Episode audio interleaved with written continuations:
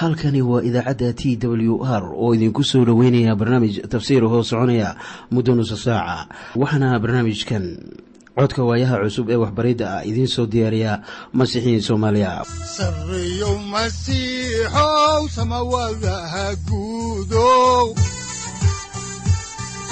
Siraadkii adduunkow subanaha eebow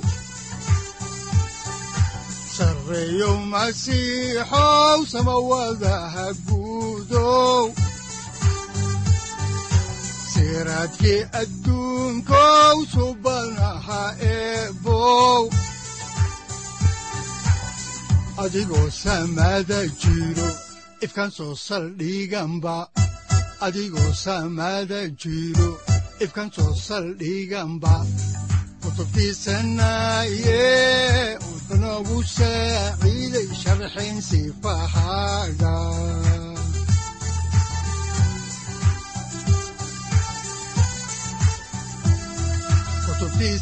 kutubtiisinayow ebanagu saaciid sharxin sifahaaga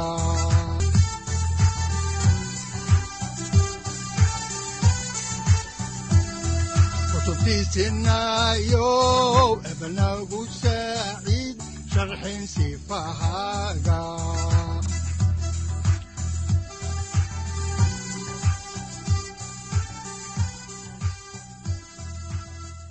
ku soo dhowaada dhegaystayaal barnaamijkeenna dhammaantiinba waxaannu horay u sii ambaqaadi doonnaa daraasaadkii la magac baxay baibalka dhammaantii. Waxaannu caawa idiin bilaabi doonnaa cutubka saddex iyo tobanaad ee injiilka sida yooxanaa uu u qoray waxaana mawduuciisa uu noqonayaa ciise oo xertiisa cagaha u maydhaya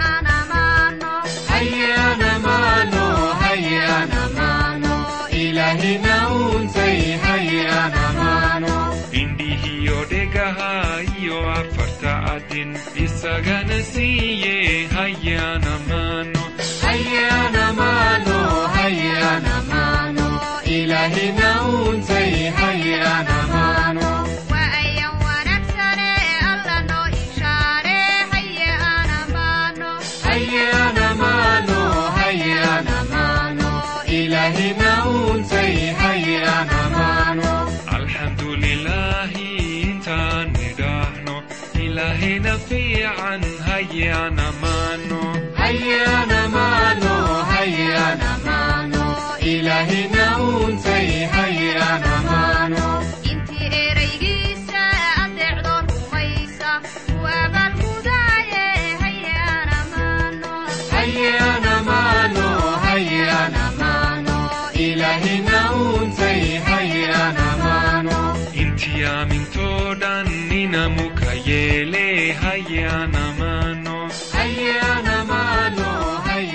markii noogu dambaysay waxaannu soo gunaanadnay cutubkii laba-iyo tobanaad markaasoo uu ciise lahaa.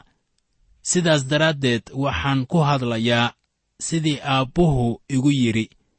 Sidaasaan ku hadlayaa. Waxaan iminkana soo gaarnay qaybta ugu weyn ee afaraad ee injiilkan. Waxaan markii ugu horraysay barannay horgalaha injiilka sida yooxanaa uu u qoray. Waxaana weeye siddeed iyo tobanka aayadood ee ugu horreeya ee cutubkan koowaad. Dabadeedna horudhaca ayaannu ka akhrinaynaa inta ka harsan cutubka koowaad. Waxaan kaloo aragnay markhaatigii laga bixiyey howshiisii iyo hadalladiisii ku qornaa cutubyada labo ilaa laba iyo toban. Iminkana waxaynu soo gaarnay markhaatiga ciise oo uu ka bixiyey markhaati furkiisa. Waxaanay ku qoran yihiin markhaatiyadaasu cutubyada saddex iyo toban ilaa toddoba iyo toban waxaa haddaba jira hab kale oo aynu u qaybin karayno injiilka. Laba iyo tobanka cutub ee ugu horreeya ayaa wax badan looga hadlayaa arrinka ku saabsan iftiinka. Waxay diiradda saarayaan howshiisii wacdiska iyo inuu yahay iftiinka. Qaybtan oo aynu ugu yeedrayno khudbadii qowladda sare ayaa waxay ku saabsan tahay maaddada ku taxalluqda jacaylka.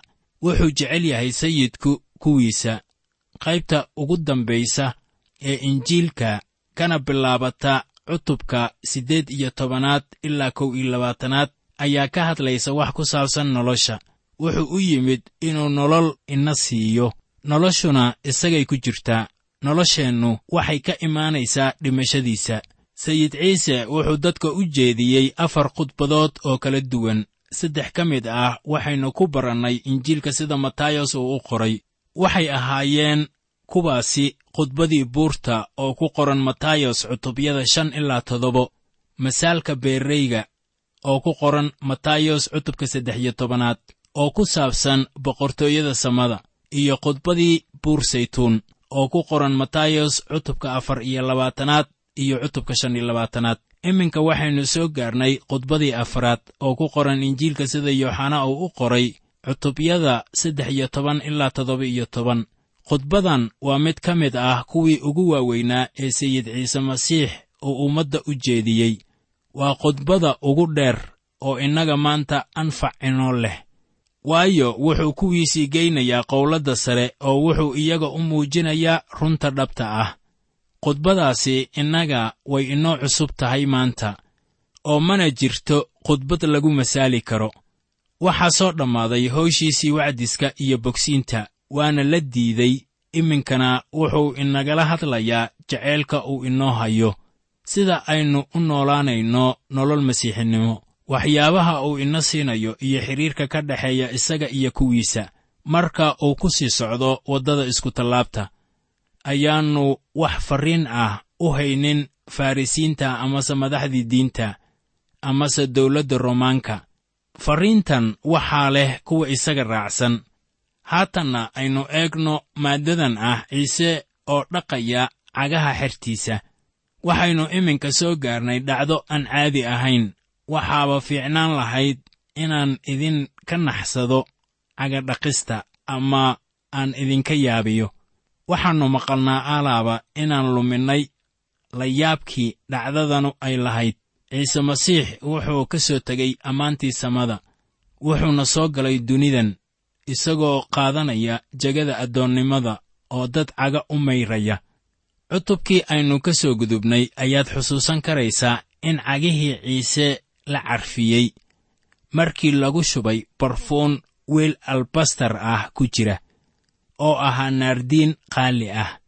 Halkanna waxaa lagu dhaqayaa cagihii xerta war maxaa isbeddel weyn halkan uu inoogu muuqanayaa marka badbaadiyuhu uu dhex marayay dunidan dembiga miidhan ayaa innaba la nijaasaynin. Wuxuu ahaa mid quduus ah oo aan cidna waxba yeelin. Welibana aan ku nijaasoobin dunida. Cagaha ayaa ka hadlaya socodka qof iyo subkiddii cagihii ciise lagu subkay naardiinka qaaliga ah oo lagu fasirayo carafta udgoon ee socodka sayidkeenna. Cagaha xertu waxay u baahan yihiin in la dhaqo ciise wuxuu cagahooda ku mayray biyo laakiin ma ahan dhiig. Intaas aad garataanna way ahmiyad ballaaran tahay. Waxaan maqalnaa masiixiyiinta qaar oo ka hadlaya ku mayrashada balli dhiig ah iyagoo ula jeeda dhiiggii masiixa taasu waxay maamuus jebinaysaa sayidkeenna waxaa qoran dhiigga ciise masiix oo ah ilaah wiilkiisa. Wuxuu inaga nadiifiyaa dembi oo dhan. Waxaa loo jeedaa wakhti tegey mid haatan taagan iyo midka mustaqbalka. Waxaa la isticmaalayaa hal mar oo qura. Waxaan markaasi leennahay hal allabari sida ku qoran cibraaniyada cutubka tobanaad aayadda afar iyo tobanaad oo leh maxaa yeelay bixin keliya ayuu kaamil kaga dhigay weligood kuwa quduus laga dhigay. Markii aniga iyo adigu aynu masiixa ugu nimaadno sida dembiilayaal waa dhiiggiisii la daadiyey kaasoo hal mar na nadiifiyey oo na siiyey fursad aynu hortiisa ku nimaadno.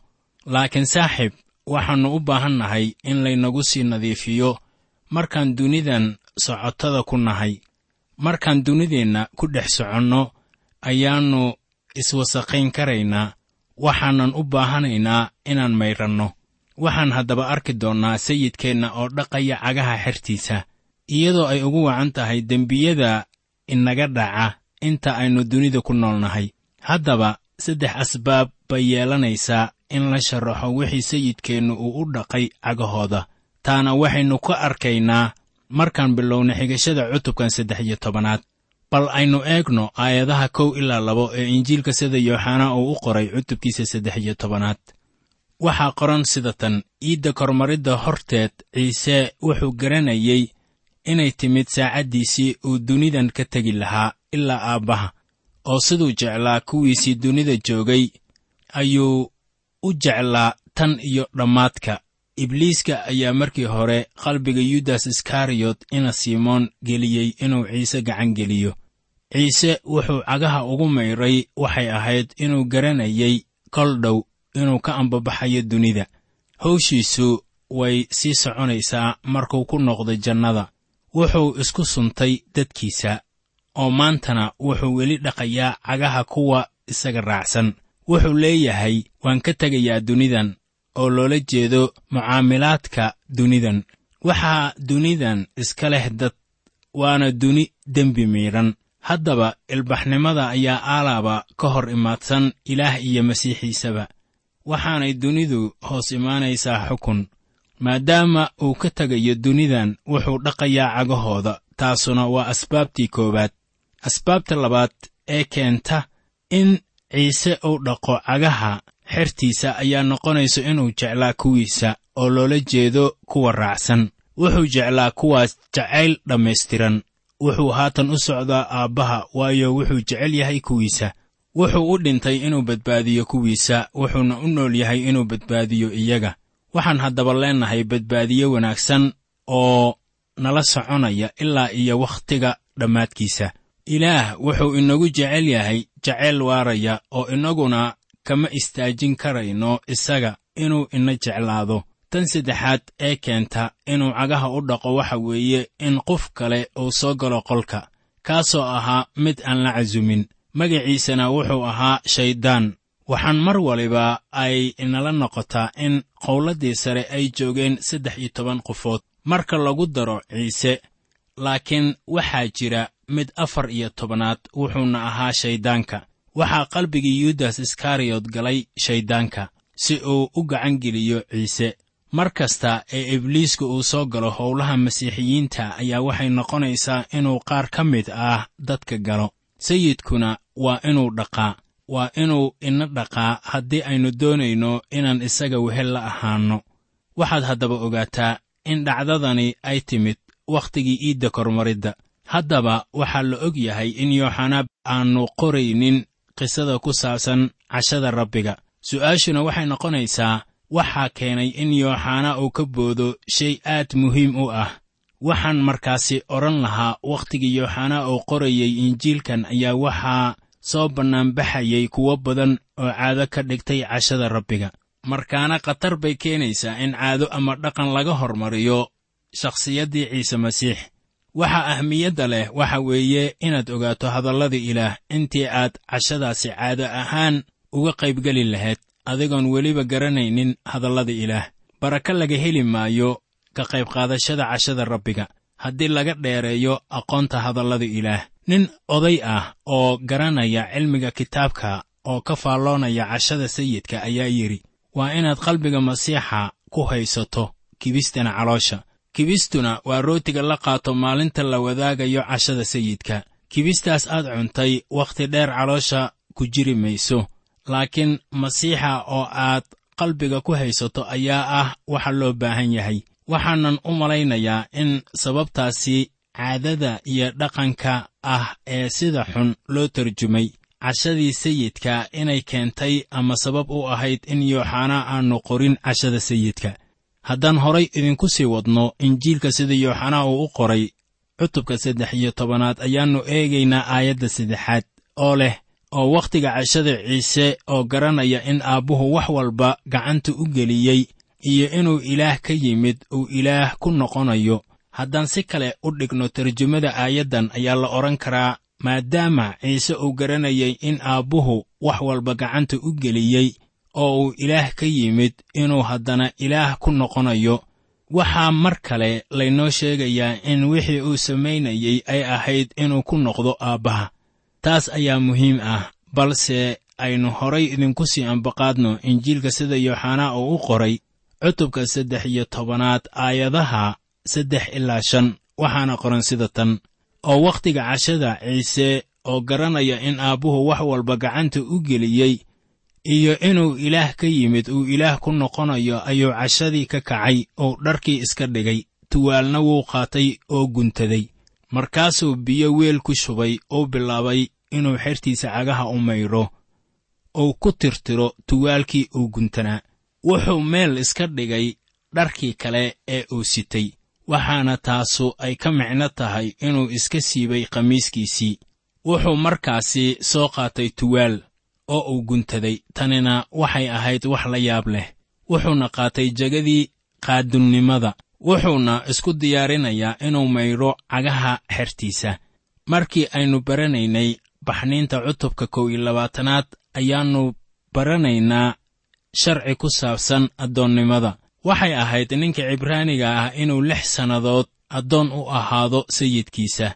Waxaanay ahayd in sannada toddobaad la xoreeyo haddii uu sannadaasi uu addoonka yahay uu guursado oo uu carruur dhalo sayidku wuxuu xoraynayaa ninka laakiin la xorayn maayo qoyskiisa. Laakiin ninkaasu wuu la sii joogi karaa qoyskiisa haddii uu aqbalayo shuruudda ah in dhegtiisa midig la duleeliyo oo uu weligiis addoon u ahaado sayidkiisa. Inkastoo ninkaas uu iska tegi karo wuxuu u joogayaa oo keliya jacayl aawadiis haddiiba uu joogo. Sayidkeenna wuxuu yimid dunidan wuxuuna dushiisa ku qaaday bini'aadamnimadiisii oo waxaa laga dhigay sida addoon oo kale. Wixii uu sidaas u yeelayna waxay ahayd inuu ina jecel yahay aawadeed. Wuu iska tegi karay isagoo xor ah laakiin wuxuu isku tallaabta ugu dhintay inuu badbaado inoo helo aawadeed. Wuxuu sidan u sameeyey inuu taago xidhiir wacan oo inaga dhexeeya iyo inuu inoo suuro geliyo inaan wehel la lahaanno isaga. Wuxuu noqday addoon jacaylkii uu ina jeclaa aawadiis. Haddaan horay idinku sii wadno injiilka yooxanaa uu qoray aayadaha lix ilaa toddoba waxay inoo sheegayaan sida tan. Markaasuu biyo weel ku shubay uu bilaabay inuu xertiisa cagaha u maydho uu ku tirtiro tuwaalkii uu guntanaa wuxuu haddaba u yimid simon butros kaasaa ku yidhi sayidow ma adaa cagaha ii mayraya. Markaasaa ciise u jawaabay oo wuxuu ku yidhi waxaan samaynayo garan maysid iminka laakiin dabadeed waad garan doontaa. Dadka qaar baa leh tanu waa quduus ka dhigid oo waxay ahayd inaan caado ka dhiganno inaan cagaha dhaqanno. Waxba kama qabo taas inaan ka qayb qaato laakiinse waa haddii aan la luminaynin macaaniga ruux ahaaneed. Kuwo kale ayaa leh cagadhaqistu waxay u taagan tahay is-hoosaysiin oo waa inaan innaguna sidaas oo kale yeelnaa fasiraaddan xataa waxba kuma jabna laakiin umalayn maayo inay macaaniga hoose taabanayso ama gaarayso. Butros ayaa xitaa arkay intanu ay tahay is-hoosaysiin laakiin sayidka ayaa ku yidhi waxaan samaynayo garan maysid iminka laakiin dabadeed waad garan doontaa haddaan horay idinku sii wadno injiilka oo aan eegno aayadda siddeedaad ayaa waxaa qoran sida tan. Butros ayaa ku yidhi weligaa cagaha ii mayri maysid ciise wuxuu ugu jawaabay haddaanan cagaha kuu mayrin qayb iguma lihid. Muxuu haddaba sayidkeenna sidaa u leeyahay? Wuxuu ula jeedaa haddaannu u dhaqin cagaha inaanay halkaasu lahaanaynin ama jiraynin wehelnimo. Tanina waa iidda kormaridda oo ka hadlaysa dhimashadiisa.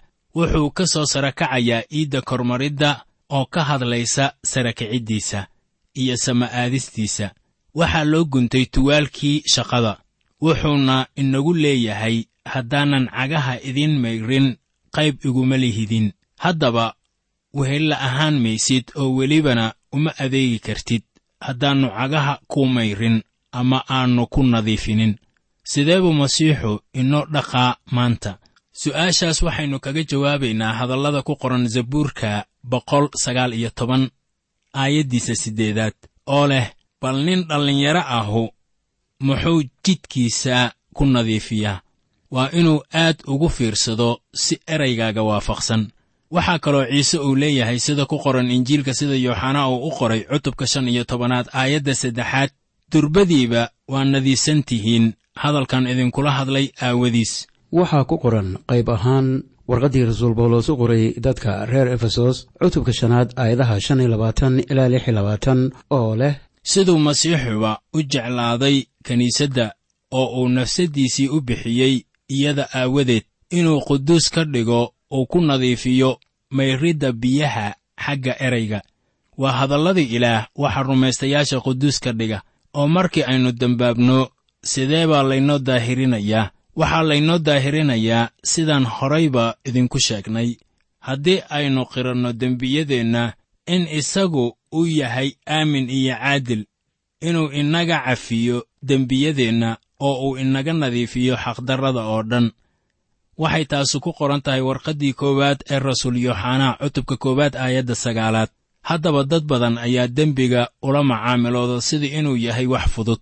Saaxib waxaan kugu leeyahay caguhu waxay ka hadlayaan socoshada. Markii aniga iyo adigu aannu diidno inaan ilaah addeecno ayaynan ku soconaynin dariiqiisa. Dembi baynu markaasi gelaynaa waxaana loo baahan yahay inaan qiranno. Haddaan horay idinku sii wadno injiilka yooxanaa cutubka saddex iyo tobanaad aayadda sagaalaad ayaa waxaa qoran sida tan. Markaasaa simon butros uu ku yidhi sayidow cagaha keliya ha ii mayrin laakiin gacmaha iyo madaxana ii mayr markii hore cagihiisa ayuu laabtay. Dabeetana markii uu u sheegay inaannu qayb ku lahaanaynin oo wehelnimona ayaan jiraynin ayuu lugihiisii fidsaday oo uu yidhi cagaha keliya ha ii mayrin laakiin gacmaha iyo madaxana ii mayr haddii wehelnimada sayidka ay tahay waxa la carqaladaynayo markaan loo mayrin ayaa butros uu doonayaa in loo mayro meel kale haddii sayidku uu doonayo. Haddaan horay idinku sii ambaqaadno injiilka sida yooxanaa uu u qoray ayaannu eegaynaa aayadda tobanaad waxaana qoran sida tan ciise ayaa ku yidhi kii mayrani uma baahna inuu maydho cagihiisa mooyaane. Laakiin waa wada nadiisan yahay idinkuna waa nadiisan tihiin laakiin dhammaantiin ma aha iminka ciise wuxuu leeyahay kii mayrani uma baahna inuu maydho cagihiisa mooyaane. Haddaba ciise wuxuu yidhi kii maydho wax kale uma baahna inuu cagihiisa maydho mooyaane.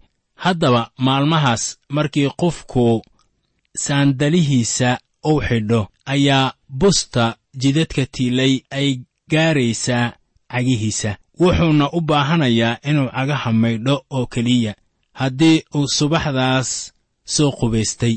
Sayidkeenna ayaa ina baraya markaan nimaadno iskutallaabta in laynaga doonayo inaan mayranno. Waxaana loola jeedaa inaan dib u cusboonaanno ama aan dib u dhalanno. Markii aynu ku nool nahay dunidan ayaannu nijaas noqonaynaa oo aan wasaqoobaynaa. Waxaynu noqonaynaa kuwo aan addeecis lahayn oo dembi ayaa nolosheenna imaanaya markaa ma rumaysni inuu jiro mid masiixi ah oo aan dembaabaynin si kastoo dembigaasu uu yahayba. Markaana cagamayristu waa nadiifinta si loo cusboonaysiiyo wehelnimadii. Waxaana yooxanaa uu ku leeyahay warqaddiisii koowaad cutubka koowaad aayadaha lix ilaa toddoba sida tan.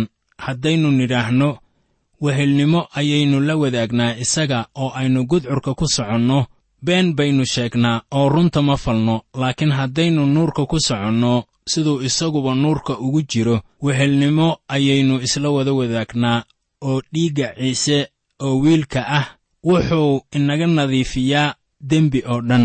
Saaxiib si markaasi aynu cagaheenna u dhaqno ayaannu u baahan nahay marka hore inaan qiranno dembiyadeenna. In la qirto dembiyadeenna ayaa ka dhigan in marka hore ilaah lala heshiiyo. Waa inaan dembiga ka nidhaahno wixii ilaahba uu ka yidhi dembiga. Tan dunida ugu dhibka badan ayaa waxay tahay in nin owliye lagu sheego uu qirto dembigiisa. Haddaba qalbixumida daallonnimada iyo jacaylla'aanta ayaa ilaah uu u arkayaa inay yihiin dembi. Haddii aynu qiranno isagu waa aamin iyo caadil inuu ina cafiyo laakiin taas keliya ma ahan ee haddii aad doonayso inaad caga maydhato waa inaad cagaha u dhiibato badbaadiyaha waxaana loo jeedaa inaad ilaah addeecdo. Haddaan horay idinku sii ambaqaadno injiilka sida yooxanaa uu u qoray cutubka saddex iyo tobanaad aayadda kow iyo tobanaad ayaa waxaa qoran sida tan. Waayo wuxuu garanayay kii gacangelin lahaa. Sidaa daraaddeed ayuu u yidhi dhammaantiin ma wada nadiisanidiin ciise wuu garanayay yuudas inuu gacangelinayo wuxuu garanayay in yuudas aanu mayranin. Marka dhanka kale laga eego yuudas mar kale ma dhalanin ama ruuxa laguma cusboonaysiinin. Taasina waa wixii uu u yidhi dhammaantiin ma wada nadiisanidiin haddaan horay idinku sii ambaqaadno xigashada ayaannu eegaynaa aayadaha laba iyo toban ilaa toddoba iyo toban ee cutubka saddex iyo tobanaad. Waxaa qoran sida tan haddaba markuu cagihii u maydhay iyagii uu dharkiisa qaatay uu haddana fadhiistay. Markaasuu ku yidhi ma garanaysaan waxaan idinku sameeyey. Waxaad iigu yeedhaan macallin iyo sayid. Waadna ku hagaagsan tihiin waayo waan ahay. Haddaba haddaan cagaha idin maydhay anigoo ah sayidka iyo macallinka idinkuna waa inaad cagaha isu maydhaan. Waxaan idiin siiyey masaal inaad samaysaan sidaan idinku sameeyey. Runtii runtii waxaan idinku leeyahay addoon kama weyna sayidkiisa. Mid la soo dirayna kama weyna kii soo diray. Haddaad waxyaalahan garanaysaan waad barakadaysan tihiin haddaad yeeshaan. Habeen dambe ayaannu faallada aayadahan nuxurka weyn xambaarsan idin fasiraynaa.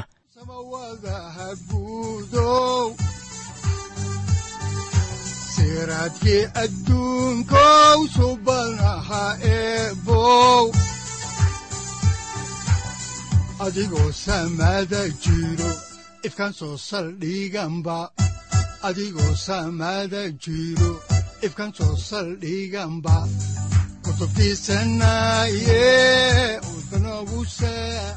halkani waa t w r idaacadda t w r oo idinku leh ilaa ha idin barakeeyo oo ha idinku anfaco wixii aad caawi ka maqasheen barnaamijka.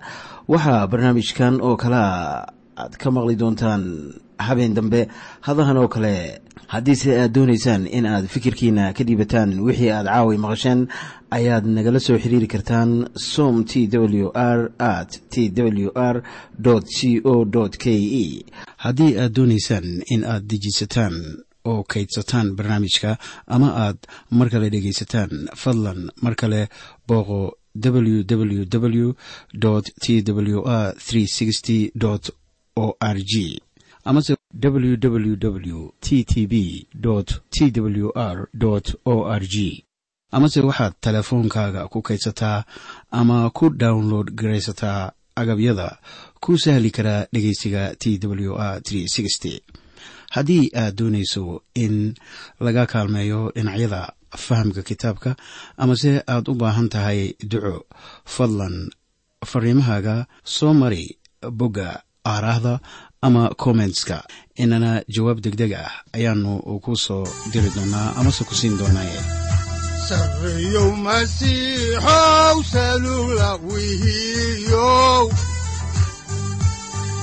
saacadda timid dhulka sabada ku dhalatiyo